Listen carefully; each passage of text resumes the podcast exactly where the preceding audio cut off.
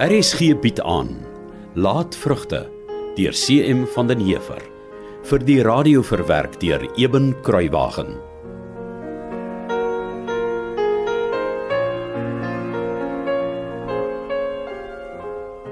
Gert, ek het dit ook maar moeilik. Ja ja, natuurlik, ek verstaan. En ma maak die ding vir my nog swaarder. Sy hou my teë dat ek nie kan boer soos ek wil nie. Ja, ek ek weet. Dis dis maar moeilik, ja. Maar uh, Ja, swaar. dis ook so. Familie moet mekaar help. Daarvoor is ons daar. Nee, dit is so swaar sy brand. Familie moet mekaar help. Ons kan volgende week na die dorp toe ry en met die prokureur gaan praat. Ek sal ook maar raap en skraap om die geld bymekaar te kry. Maar ek moet jou help. Dit hoort so. Ek meen, ons kan mos nie toelaat dat julle deel van Boskloof dalk eendag in 'n vreemde hande beland nie. Kan ons? Wat Be- bedoel jy dit swaar sy brand? Natuurlik. Jy maak nie net te gek van my nie. Sal ek nou 'n gek van jou maak oor so iets belangrik gerd? Sal ek? Nee, Nou toe.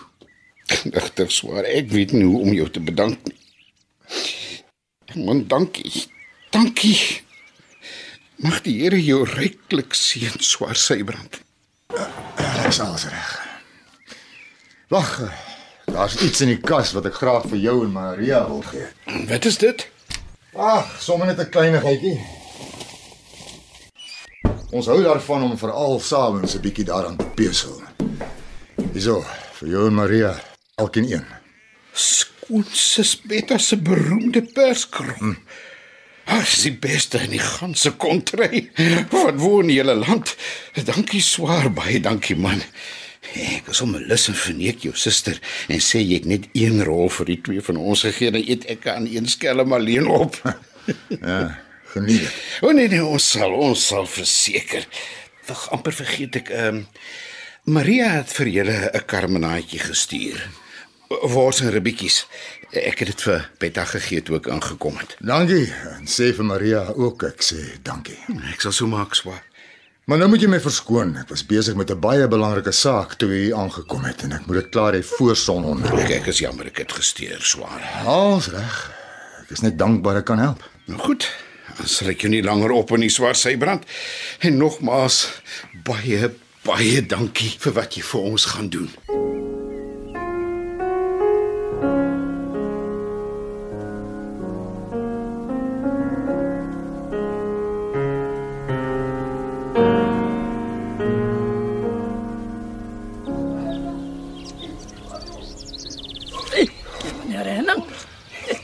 As daar maar frekkelt in die fontein voor hè. Ja. My voete voel eers meer. Toe maar Januarie, jy is nie alleen. My hande, ek my voete is morsdood van die koue. Ek permissie gesê, klein meneer. Maar ek verstaan nie mooi hoekom ons die fontein voor nou al moet skoonmaak. Dis mos gewoonlik iets wat ons bære vir die somer. Ons gaan nog almal siek wees van so in die koue modderwater staan. Ek het my pa dit aan die verstand probeer bring, maar hy wou nie besgee nie. Die ergste van alles is Dis al naby aan die einde van die winter. Nou, as hy net 'n maand of 6 weke wou wag, dan was dit al klaar beter, maar nee.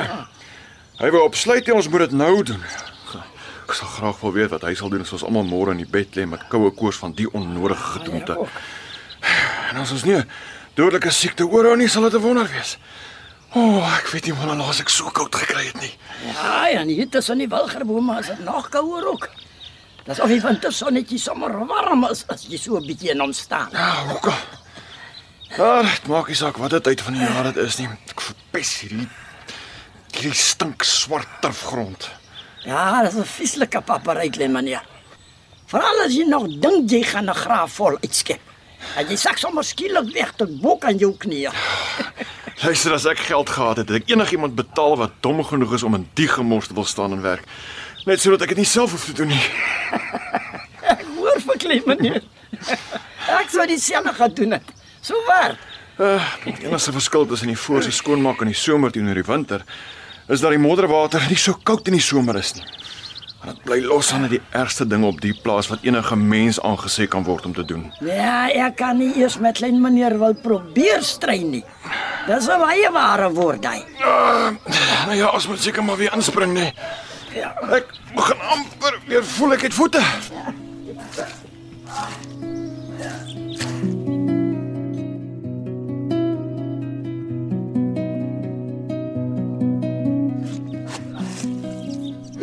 Henning! Henning! Ja, pa, Kom gou hier.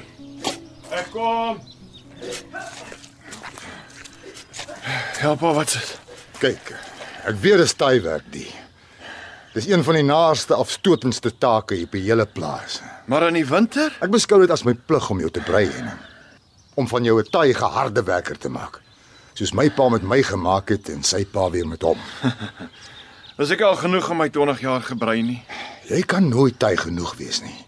Jy moet sterk kan staan soos jy baklei met die grond en die natuur. Jy moet altyd bo kan uitkom. Nooit bes wil gee nie. Ek wil nie hê jy moet ooit soos jou swaar Hendrik en jou oom Gert bakkan voor iemand gaan staan om geld te bedel nie. Geld wat jy voor jou siel weet jy nooit sal kan terugbetaal nie. Geld wat jy moet leen omdat jy nie taai en gehard genoeg is om jouself uit die moeilikheid uit te werk nie. En daar's geslepe en onderduimse mense wat net sit en wag om jou besitting van jou weg te vat. Hoor jy dit sleg is om te baklei vir wat joune is. Hoor jy wat ek sê? Ek hoor jou. Onthou net, hier is nie plek vir slap lê nie. Hier oorlewe net 'n pure man wat sal spook tot hulle hom kerkhof toe dra.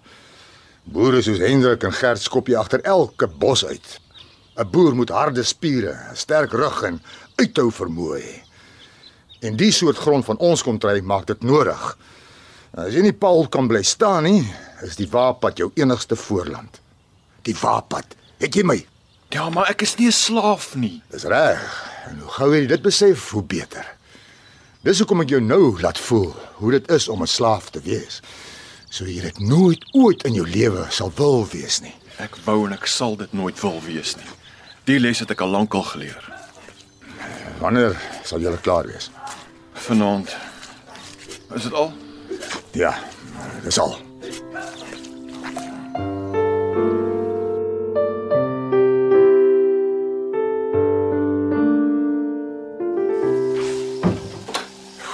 Nou maar.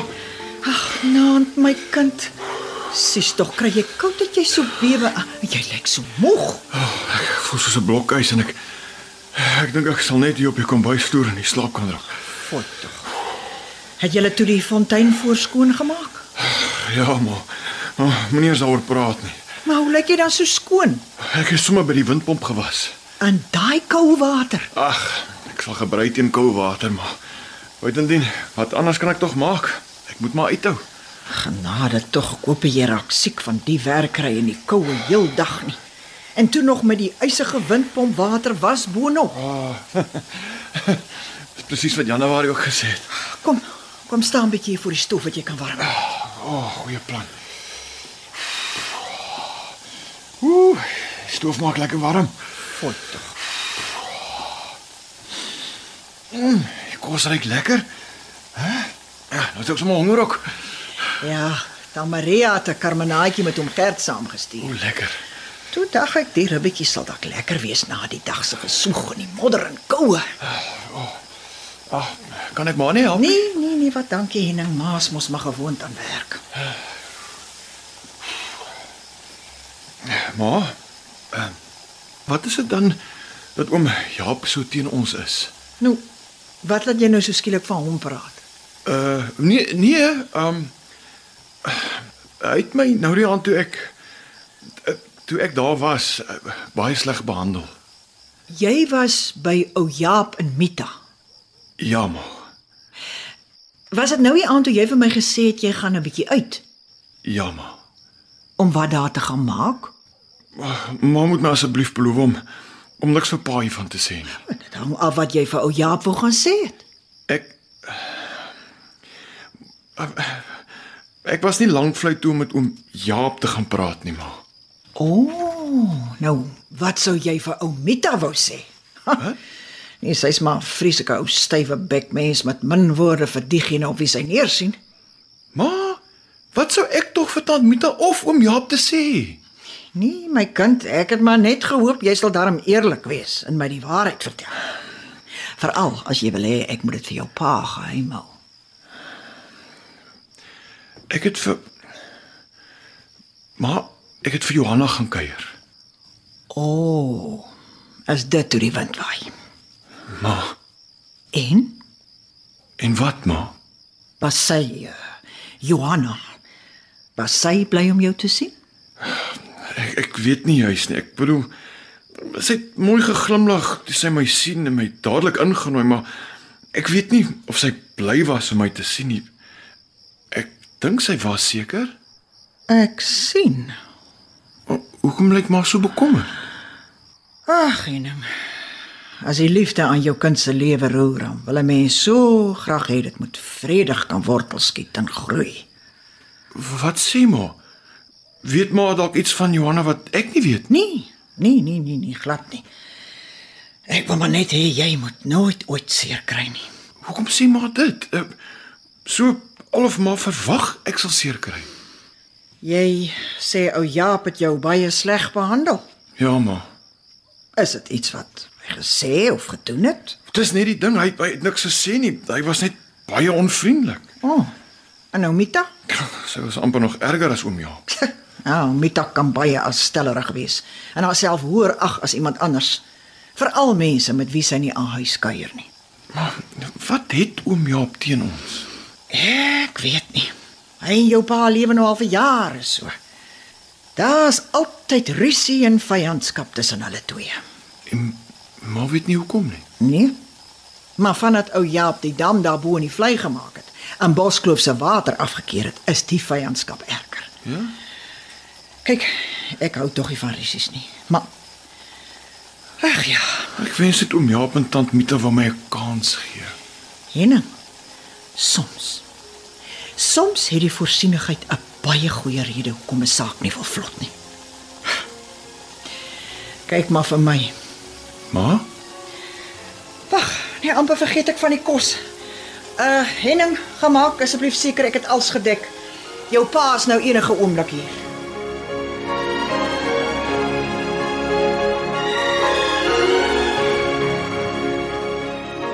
Die afgelope week in Laat Vrugte het hierdie stemme gehoor van Johan Stassen as Sybrand, Leon Creur as Henning, Susan Beyers as Betta, Chris Magit as Januarie, Johan Nel as Gert, Christine Tesco as Annie en Ludwig Binge as Henny. Kom luister gerus maandag verder na Laat Vrugte deur CM van den Heever. Die verhaal word in Kaapstad vir RSG verwerk en opgevoer onder regie van Eben Kruiwagen.